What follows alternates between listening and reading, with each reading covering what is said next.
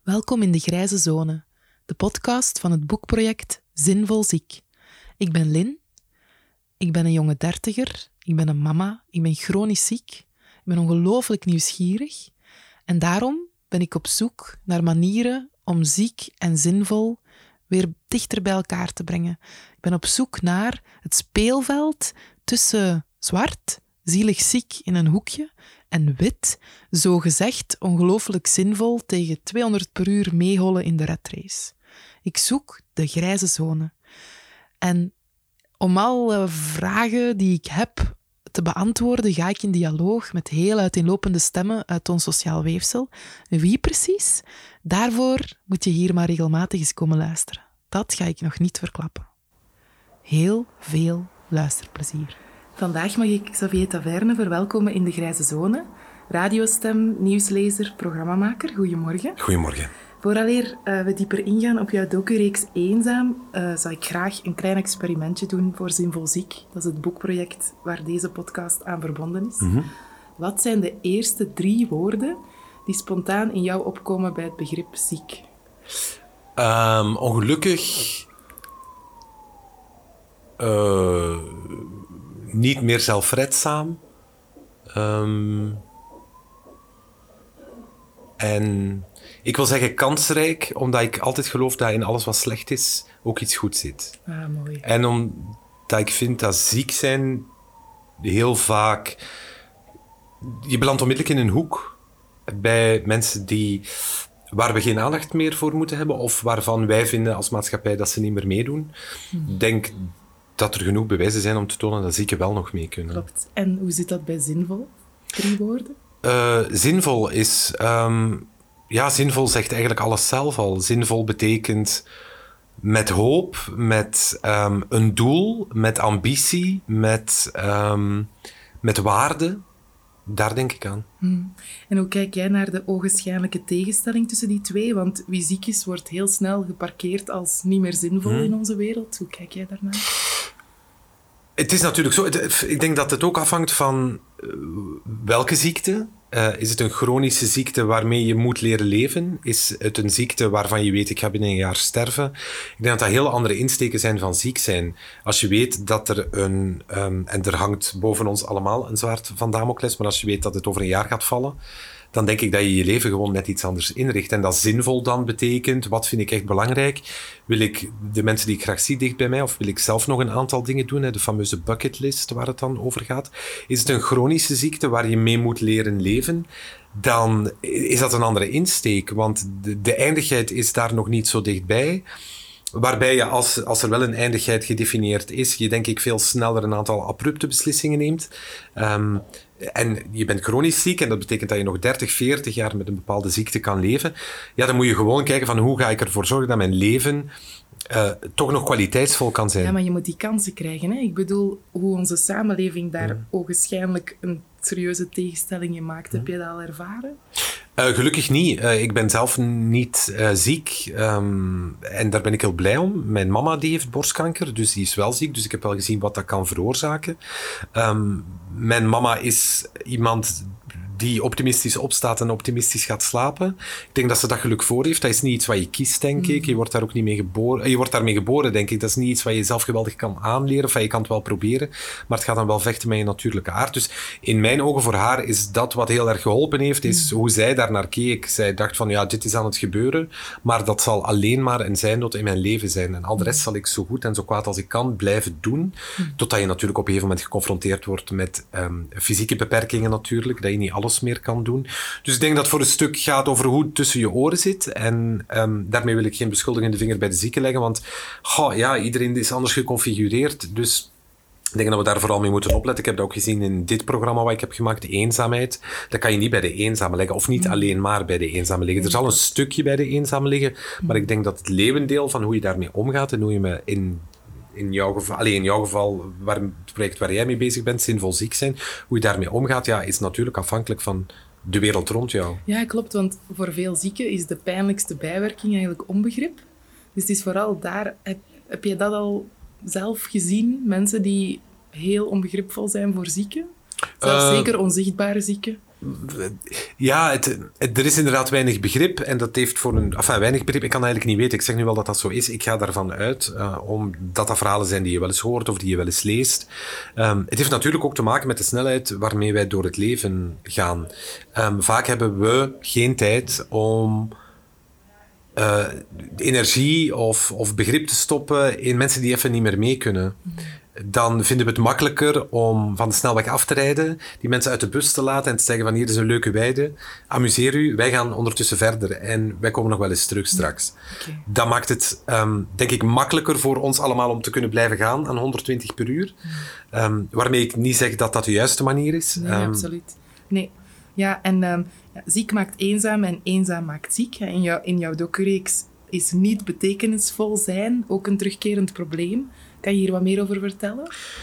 Ja, dat, wat eenzaamheid. We hebben heel veel gezichten laten zien van eenzaamheid. De eenzaamheid heeft vele oorzaken. En ik denk dat we erin geslaagd zijn om er. Verder zijn er duizend en één, we hebben er 16 laten zien. Dus we waren zeker niet volledig. Maar op een gegeven moment maak je keuzes en denk je: kijk, dit zijn verhalen waarvan wij vinden dat ze zeer waardevol zijn. En ook heel veel herkenning en erkenning zullen oproepen. Ik denk dat we met die insteek. zijn niet aan het programma begonnen. Ik wilde echt eenzaamheid een gezicht en een stem geven. Pas daarna werd heel erg duidelijk dat heel veel mensen hierop zaten te wachten en op zoek zijn naar erkenning en herkenning. Zoals Davy in aflevering 2 zegt, je moet het voor ons niet oplossen. Ik vraag niet dat je het oplost, maar ik vraag wel dat je luistert hmm. en dat je op zijn minst probeert om te snappen waar ik vandaan kom of hoe ik in elkaar zit. En door de reacties na het programma nu te zien en te lezen, en die zijn er in overvloed, mm. um, dat heeft mij heel erg geraakt. Um, merk ik ook wel dat dit duidelijk de juiste insteek was voor ons. Omdat we een aantal mensen wel het gevoel hebben gegeven: in je eenzaamheid hoef je niet alleen te zijn. Nee. Um, dat zegt Barend ook mooi in aflevering 1, een jongen met Asperger uit Antwerpen. Ja, prachtig. Uh, die ook zegt: Ja, ik ben eenzaam en, en het dieptepunt ligt achter mij. Maar de reden waarom hij meedeed of meedoet aan de reeks, en de 15 anderen eigenlijk ook, was om een verschil te maken. Om hopelijk inspirerend te kunnen werken. Hmm. Door te zeggen, ik, ik zit hiermee, ik vind het niet erg om daarover te praten. Of van ja, het is wel moeilijk, maar ik ga het toch doen. In de hoop om wat erkenning, herkenning um, los te maken. En dat is wel echt gebeurd, merk ik. En daar ben ik heel blij om, omdat als je ergens niet alleen door moet, mm. betekent nog niet dat je eenzaamheid daarmee weg is, maar als je ergens niet alleen door moet, al is het maar één berichtje per dag, of een gesprek, of een knipoog, of een begripvolle schouderklop, dan staat wel een stap verder. Is je eigen kijk op eenzaam veranderd? Op zich niet echt, omdat ik er uh, geen geromantiseerd beeld van had en, en het ook niet onderschatte, merk ik nu. Um, ik denk dat alle verhalen, alle, alle mensen die ik ontmoet heb en alle verhalen die ik heb gehoord en heb gelezen, mij helaas bevestigde in wat ik ervan dacht. Dat het overal zit, dat het ook zo gebeurd kan zijn, dat niemand er vrij van is. Um, dus mijn blik heeft er niet veranderd. Het heeft mij bevestigd in, in wat ik ervan dacht. En door er dan een programma van te maken en een vrij groot publiek te kunnen aanspreken daarmee, hoop ik dat, dat, dat het besef dat wij als programmamakers hadden toen we met het idee kwamen, dat dat besef nu ook stilaan doorcijpelt in de rest van Vlaanderen. Hm. Ja, wat zijn de mooiste reacties die je al kreeg? De allermooiste reactie um, Enfin, er zijn er eigenlijk heel veel, maar ik wil die ook niet vergelijken, want ze zijn eigenlijk allemaal individueel heel mooi. We hebben een aantal mensen die zeggen, ah, ik wil met uh, Davy in contact komen, of met Lindsay, of met José, of met... Dus er zijn heel veel mensen die zich herkennen in um, de mensen die hebben meegedaan aan Eenzaam. En die zeggen, ik denk oprecht dat ik een goede gesprekspartner voor hen zou zijn. Of ik wil iets mm. leuks doen met hen. En een hele leuke reactie uh, kreeg ik gisteren van twee jongeren die um, in de sociale sector werken, in Brussel wonen. En die mij stuurden zou je onze, onze gegevens willen doorgeven aan José, de vrouw van uh, 84 die in een mm. woontoren in Brussel woont, die elke week een durum gaat eten. Ja, exact. Um, Prachtig En die twee uh, jongeren die dus um, in de sociale sector werken, die willen met haar een kebab gaan eten of die willen met haar iets leuks gaan doen. Hè. Ze willen mm. dat engagement aangaan, zoals ze het zelf noemen. Vind ik prachtig. Dus we gaan hen nu proberen bij elkaar te brengen. Heel mooi. Uh, en dat is ja, alleen al voor die reactie heb ik had ik dit programma willen maken. Nou, prachtig, ja. Ik luisterde ook met heel veel interesse naar de eenmalige podcast die je maakte na de laatste aflevering. En wat, me daarmee, wat mij daarbij bijblijft, is de conclusie dat we collectief werk moeten maken van een samenleving die durft focussen op het positieve. Nu, negativiteit stroomt natuurlijk veel sneller dan positivisme. Dus ik denk dat we collectief gaan moeten vertragen om zo een switch te maken. En ik vroeg me af hoe jij de verantwoordelijkheden zou verdelen tussen beleid, cultuur en media en wij als individuen. Ik denk, ik geloof heel erg in het individu. Ehm, waarmee ik niet zeg dat alles er rond geen taak heeft of geen functie heeft. Ik denk dat een overheid moet ondersteunen, maar dat um, vanuit individuen heel veel kan ontstaan. Um, dat gaat gewoon over als je op straat loopt en je buurvrouw zegt hallo, niet, niet wegkijken of denken, oh, dat wordt hier ongemakkelijk. Zeg gewoon hallo terug. Dat is eigenlijk al heel wat. Dat is gewoon de erkenning. Iemand zegt hallo, of als je in een lift binnenstapt. Uh, het verschil tussen Vlaanderen en Nederland, dat vind ik heel frappant. Ik heb een tijdje in Nederland gewerkt en als je daar een lift binnenstapt. Goedemorgen. En de eerste keer wist ik niet waar ik het had. Als je dat in Vlaanderen doet, iedereen staat naar de grond te kijken als je in een lift staat. Ik ben ook zo. Hmm. Ik vind dat ook heel vreemd en atypisch om als ik in een lift stap, zal ik wel zeggen goedemorgen. Maar als ik degene ben die er al staat en iemand stapt binnen, zal ik knikken, maar ik zal niet luid op goedemorgen zeggen. Maar dus om terug te keren op je vraag, het zit in individuele dingen. Het zit in wat kan ik betekenen voor een ander. Als wij allemaal proberen betekenisvol te zijn voor drie mensen rond ons, hmm. dan zijn we al een heel eind. Ehm, dus ja, daar kan je iets uh, aan doen. Ik denk eenzaamheid vanuit beleid ondersteunen is heel moeilijk, omdat dat denk ik een bevoegdheid uh, is die overal zit. Maar ja, niet alleen eenzaamheid natuurlijk. Hè. Die oproep voor, voor, een, voor een warmer, alleen, positievere mhm. samenleving, dat gaat over alles. Hè. Dat gaat ook over omgang met zieken, omgang met... Ja, maar daarom ook dat als je het over eenzaamheid hebt, dat je zorg moet aanpakken, dat je welzijn moet aanpakken, dat je armoede moet aanpakken. Als je zorgt, dat, uh, als je zorgt voor de mensen, dan zal eenzaamheid, in dit geval voor mij dan, een, een stuk verdwijnen. Um, uh, voor, allee, voor de mensen uit de reeks en voor mensen die eenzaam zijn. Dus je moet kijken naar waar komt die eenzaamheid vandaan en kunnen we dat daar ergens aanpakken. Alleen denk ik dat er rond warme samenleving en positivisme hangt iets heel wazig, hangt iets heel fluffig, hangt iets heel... Um, ja. Mensen hebben daar oordelen op, denk ik. Ja, omdat het klinkt ook als een containerbegrip. Wat is een positief leven? Wat is een warme samenleving? Ik denk dat iedereen dat ook anders definieert. Ik denk dat je daar concreter in moet worden. Ik denk als we zolang we blijven zeggen dat we warmer en positiever moeten worden, waar denk ik eigenlijk op zich niemand tegen kan zijn. Hmm. Um, maar als het niet verder gaat dan dat, dan blijft het gewoon bij woorden. Ik denk dat je dat concreter moet maken van hoe gaan, wij, hoe gaan we dat doen? Hmm. En daarin vind ik de warmste week bijvoorbeeld iets heel mooi omdat je daar nergens wordt daar gezegd, we moeten warmer en positiever zijn. Maar wat het gevoel is na een week, is wel dat we warmer en positiever zijn. Ja, maar wel maar een week, heel vaak. Toch? Ja, maar ik zie steeds vaker ook wel initiatieven. Ik ben zelf Peter van de school met autismekinderen bijvoorbeeld. Die doen drie evenementen per jaar die over die warmste week gaan. Uh, en dan op het einde van het jaar leggen ze dat geld samen. En dat vind ik heel mooi om te zien. En, en het begint misschien bij een week en misschien deint het verder uit. Um, al, ik wil gerust toegeven dat het probleem dieper geworteld zit dan, dan, dan uh, ik nu misschien doe uitschijnen. Maar um, ik denk de weerstand om uh, echt aan de positivisme en warme samenleving heeft net te maken met die woorden, denk ik. Omdat het te wollig is, denk ik, voor mm. veel mensen. Ik kan mij ook voorstellen, als je met twee gaat werken tegen een minimumloon en je hebt drie kinderen, dat je blij bent dat je het einde van de week haalt. Ja. En dat je dan denkt, ja, warmer en positiever, het zal wel, maar ik zou graag overleven en eten hebben op het einde van de maand. Mm. En mijn verwarming op 20 kunnen zetten in plaats van op 16, omdat ik moet besparen op mijn energiefactuur.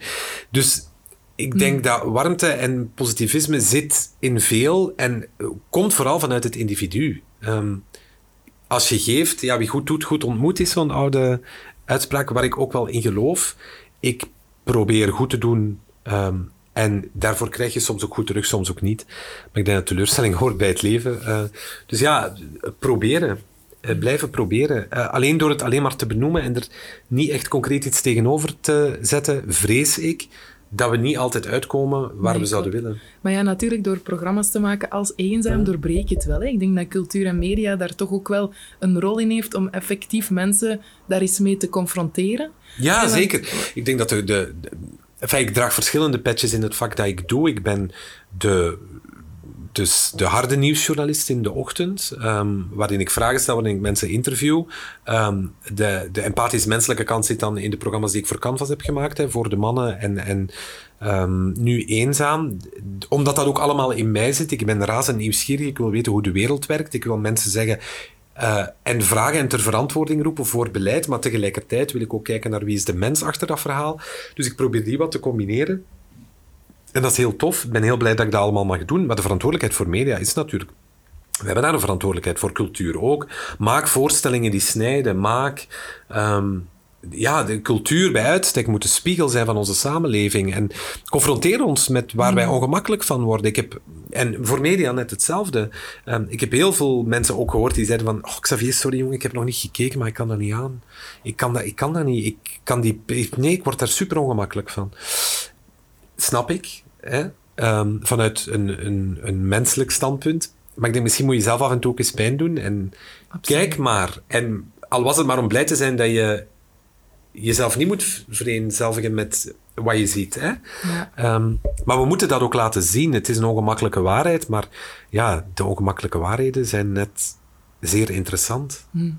Maar zelf kijk ik alleen redelijk hoopvol um, om, naar het huidige klimaat. Hè, omdat bijvoorbeeld alleen al deze week nu gepasseerd was er, uh, stond de wereld van Sophie in teken van chronische pijn. Uh, is er een theatervoorstelling gelanceerd, Anatomie van de pijn, waarbij, waarbij pijnpatiënten samen met uh, ervaren spelers op het podium staan en zo. Ik ga er zelf in, in januari naar kijken. Dus ja, er komen boeken uit die heel kritisch zijn voor de gezondheidszorg en zo. Dus we, zitten, allez, we, we lijken op een beetje een kantelpunt te zitten. Um, en in de podcast ging het ook over, er moet tijd en ruimte voor verbinding komen hè, als deel van de oplossing. Denk je dat wij daar klaar voor zijn om echt te vertragen, om, om de red race een paar kilometers per uur um, af te remmen, zodat er tijd komt voor elkaar? Ik weet niet of we collectief klaar zijn om dat te doen. Ik ben zelf iemand die um, heel erg drijft op die rat race, merk ik. Um, dat geeft mij energie. Ik weet dat het heel veel mensen leegzuigt, dus ik wil mezelf ook niet als voorbeeld stellen, maar ik hou ervan om elf afspraken per dag te hebben en die s'avonds netjes gehaald te hebben daar kan ik heel, heel blij van worden. Maar op dagen, ik ben extreem in heel veel. Ik ben ofwel extreem druk en bezig, wat ongeveer 90% van mijn tijd is. Maar de 10% dat ik daar niet ben, ben ik ook echt extreem, extreem lui. Hmm. Ik kan dan uh, van mijn bed naar de zetel en s'avonds terug. En dan is er werkelijk niks gebeurd. Dan heb ik 10 meter gewandeld op mijn stappenteller. En ik voel me daar ook niet schuldig over. Omdat ik denk, er zijn andere dagen en veel meer um, waarin ik wel als een gek door dit leven uh, raas. Dus um, ik denk dat dat ook een, een individuele uh, beslissing uh, is, denk ik. Collectief weet ik niet. Ik weet ook niet of je dat moet opleggen. Ik weet ook ja, opleggen werd bij heel veel mensen averechts. werkt niet. Um, als het een verplichting wordt, dan is het ineens minder interessant. Nu ja, verplichting niet zozeer, maar de, de de ruimte, de keuzevrijheid. Hè? Want heel veel frustraties bij mensen nu is toch wel omdat ze een gebrek hebben aan eigenaarschap. Hè? Ze hebben niks te zeggen in hun job. Ze hebben niks te zeggen over hoe ze hun leven installeren, want de huizenmarkt is peperduur en noem maar op en noem maar op. Er is heel weinig keuzevrijheid. Dus ik vraag me af, vanuit uw positie ook in media en zo, hoe, hoe kunnen we dat teruggeven aan de mensen? Want daar gaat het uiteindelijk toch over. Dat is toch wat, in essentie wat iedereen wil. Ehm, ja, ik, wat iedereen wil, dat weet ik niet. Er is natuurlijk, um, ik denk als je het financieel moeilijker hebt, dan is je keuzevrijheid zeer beperkt. Hè. Dan moet je doen met of een sociale woning of met iets wat op de privémarkt min of meer betaalbaar is. En wat ik merk, je zegt in, in je job heb je geen keuzevrijheid. Ik heb het afgelopen jaar heel veel um, sessies met bedrijfsleiders gemodereerd voor de provincie West-Vlaanderen. En daar ging het alleen maar over nieuw leiderschap en over hoe je dat aanpakt. Dus ik merk dat bedrijven wel de kentering aan het inzetten zijn met inspirerende mensen um, die al de goede voorbeelden stellen. Gisteren bijvoorbeeld was ik op een sessie waar de CEO van Durabrick, dat is een bouwbedrijf uit Kortrijk, die um, heeft een bedrijf ingericht volgens Ikigai. Mm, ja. um, die heeft zichzelf ontdekt, die is zichzelf tegengekomen op de Camino, uh, die uh, wandeling naar Compostela. En heeft dan aan zijn kernteam uh, verplicht om op die Camino te gaan. En daar hebben ze heel grote inzichten gekregen van hoe ze hun bedrijf moeten inrichten. Um, zijn ook een zeer aantrekkelijke werkgever daardoor. Um, dus, enfin, maar goed, dat zijn de mooie voorbeelden. Maar ik merk wel, natuurlijk in, in grote bedrijven, um, met de duizenden werknemers zal dat waarschijnlijk iets moeilijker zijn. Maar ik merk wel dat bij ondernemers wel dat besef groeit van als we langer gaan werken, werkbaar, wendbaar werk, dat ze ook wel de winst daarin zien. Want je kan ofwel zeggen je moet tegen 40 per uur gaan knallen, maar dan ben je 10 jaar uit met burn-out bijvoorbeeld. Of we gaan zorgen dat je 20 per uur gaat, maar dat dat wel blijft duren. En daar is de economische kosten, hè. helaas moeten we het daar dan ook over hebben. Je hebt de menselijke kost, maar ook de economische kost. Ja, je winst zit hem natuurlijk in het feit dat mensen niet uitvallen en dat ze een ambassadeur zijn voor je bedrijf en voor je merk. Dus ik, ik merk dat daar wel een kentering zit. En je gaat me niet horen zeggen, als je acht uur aan de band koekjes in een doos moet stoppen, dat je dan heel veel keuzevrijheid hebt. Hè. Um, maar voor sommige mensen werkt dat ja. ook, omdat ze net die duidelijkheid willen. Dat is het enige wat van mij verwacht wordt. En ik vind dat prima en dat werkt voor mij. Um, maar ook op die, ik denk ook in, in, in bedrijven waarin zeer repetitief werk zit, denk ik dat je wel ook als uh, CEO, als bedrijfsleider, een verschil kan maken. En ik merk echt dat die generatie die er aankomt, de jonge ondernemers en soms zelfs ouderen die geïnspireerd geraken, dat daar wel voor een stuk een verandering in zit. Dus dat daar een beetje keuzevrijheid aan, aan, het, aan het veranderen is en wat je met je vrije tijd doet. En ik denk dat dat ook iets is. Maar ik heb het gevoel dat dat soms de olifant in de kamer is die je niet mag benoemen. Je moet op maandagavond gaan schilderen, op dinsdag naar de yoga, op woensdag. Je moet elke dag zinvol zijn. Dat is zo verschrikkelijk vermoeiend. Op een lezing, op een lezing met Dirk de Wachter en Ineas de Vish werd dat ons existentieel uh, CV genoemd. Uh, en ik vond dat wel heel pakkend, want dat klopt. En we zijn daar nog meer dan misschien in onze werktijd hm. mee bezig van wat moeten we allemaal halen in onze vrije tijd? Uh, niks. Niks, ja, nee, inderdaad. Nee, en, moetjes niks. Nee, moetjes niks. En hm. durf je vervelen. Het, de momenten waarop ik creatief het best ben, is op de momenten dat ik in mijn zetel lig en denk, ik weet eigenlijk letterlijk niet wat gedaan. Hm. Ja, ik zou kunnen Netflixen. Ja, ik zou PlayStation kunnen doen. Ja, ik zou iemand kunnen bellen. Maar, goh, allemaal geen zin in. En dan leeg ik soms gewoon twee uur naar het plafond te kijken. Ik kan dat ook zeer goed. Ik word daar dan op een gegeven moment ook eh, ambetant van, dus dat, dat moet geen drie dagen duren. Maar zo gewoon is een dag met jezelf, zonder dat, dat er in je agenda weer van alles staat, dat is voor mij de grootste cadeau. En ik heb zo vier, vijf dagen per jaar waarin niks staat, maar ook niet de was of niet naar mijn ouders op bezoek of zelfs niet met je beste vriend, vrienden afspreken. Allemaal leuke dingen, hè? behalve die was dan. Maar um, zelfs dat niet. Dat niemand een verwachting heeft. Dat is heel fijn. Um, dus durf ook kijken, durf zeker kijken naar je job. Hè? En zeker in deze arbeidsmarkt waarin de vraag veel groter is dan het aanbod, heb je ook als werknemer de keuze om op verschillende plaatsen te werken. Bedrijven zitten echt te vechten om, om het talent en om mensen die iets kunnen. Um, omdat de vacatures niet ingevuld geraken. Dus geeft dat ook ergens een kans om te kijken van oké, maar is er iets wat ik liever zou doen of waar ik beter zou renderen? Um, maar kijk ook naar Waar wil ik wonen? Wil ik de slachtoffer zijn van mijn bakstenen gesteld dat het financieel min of meer oké gaat? Ja, voilà, je moet niet de grote villa hebben met twintig kamers. Die moet je dan ook alleen maar kuisen. Um, maar daarvan zie je ook dat die jongere generatie dat ook allemaal minder boeiend vindt. Die gaan allemaal in de stad, die gaan klein wonen, die willen geen auto. Um, daar ging het ook over in die sessies in West-Vlaanderen. Bedrijfsleiders die ook zeiden tijdens sollicitaties, ik val van mijn stoel.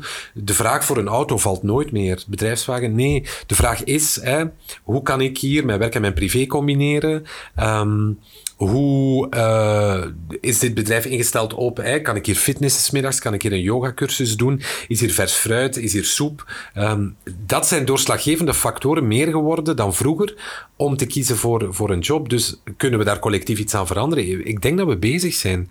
Uh, en dat het zoals wel vaker van onderuit gaat. We hebben, er zijn zoveel frustraties over alles wat misloopt en dat heeft vaak met beleid te maken. Um, en ik benijd mensen die die beleid moeten maken, want je kunt een euro maar één keer uitgeven en je moet keuzes maken. Er zijn zoveel noden. Maar als groep zijn we zo sterk. Dus wees zelf de verandering. Ja, maar het beleid heeft toch wel, naar mijn gevoel, een verantwoordelijkheid in het vertrouwen voorleven dat ze willen van hun burgers. En dat doen ze nu niet. Hè. Ze zijn voornamelijk aan het ruzie maken en, het, en het niet eens zijn. Um, en, en, ook, en ook vooral aan het focussen op waar schaarste zit, op alles wat niet goed loopt. Mhm. Dus ik zie daar geen voorbeeld in. Waar zit dat positivisme vanuit ja, de hoogst geplaatsten, om het zo te zeggen. Ja, ik denk, de, politiek krijgt veel over zich heen. Um, niet altijd terecht, vind ik. ik ik, ik zou, ik geen enkele politicus. Uh, het is een heel onprettig klimaat geworden om ook uh, politicus te zijn. Ik vind goed dat er mensen zijn die die verantwoordelijkheid nemen. Dat meen ik echt. Dat is geen cheverig antwoord. Ik meen dat echt. Ik heb bewondering voor um, mensen die in de wedstrijd nog hun nek durven uitsteken. Um, en wat er nu aan de hand is, enfin, de discussie waar je naar verwijst, gaat denk ik over die federale regeringsformatie, waar iedereen een beetje naar elkaar zit te kijken van wie gaat wat doen. De, realiteit is ook dat er dat we in een land leven waar er aan twee kanten van de taalgrens nu eenmaal anders gestemd is en dat dat ideologisch moeilijk bij elkaar te brengen is. En dan kom je bij inhoud natuurlijk. Hè. Ideologisch, wat wil je daarmee doen? En je hebt ook een verantwoordelijkheid als politicus als je een kwart of een derde van, van je kiespubliek achter je hebt. Ligt daar ook wel een verwachting? Los daarvan vind ik ook... Uh, Zet een aantal dingen opzij. Je zal nooit je volledige programma kunnen uitvoeren. Kijk naar wat verbindt. Kijk naar waar jullie een project kunnen rondmaken.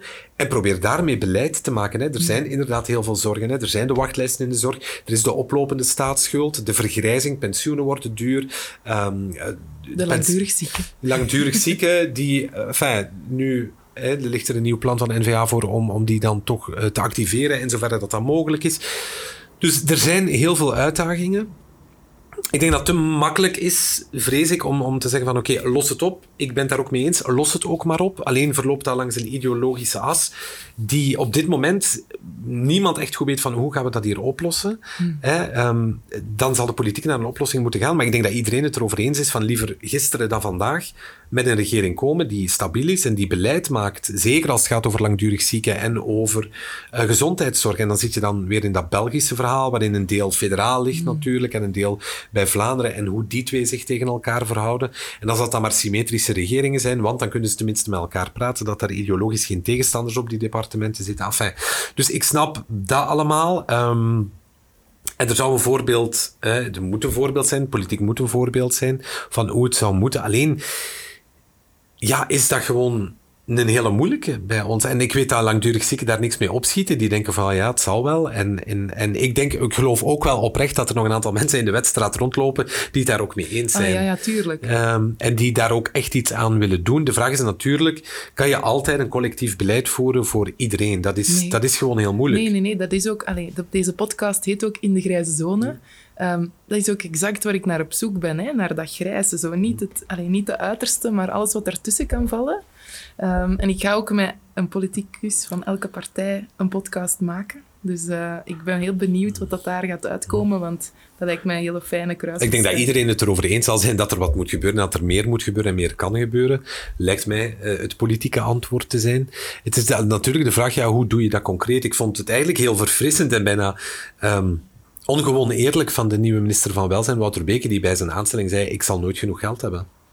Dat is nu eenmaal zo. Dus ja, er zullen een aantal mensen afvallen, hoe erg ik dat ook vind. Ik weet ook niet of wij in staat zijn als samenleving om, om 100% inclusief te zijn. Ik denk dat niet. Um, hoe jammer dat dat ook is als vaststelling, denk ik niet dat dat erin zit. Um, en dan, en dat is een verschrikkelijke taak, waar ik als politicus ook niet graag over zou buigen, wie kiezen we? Hmm.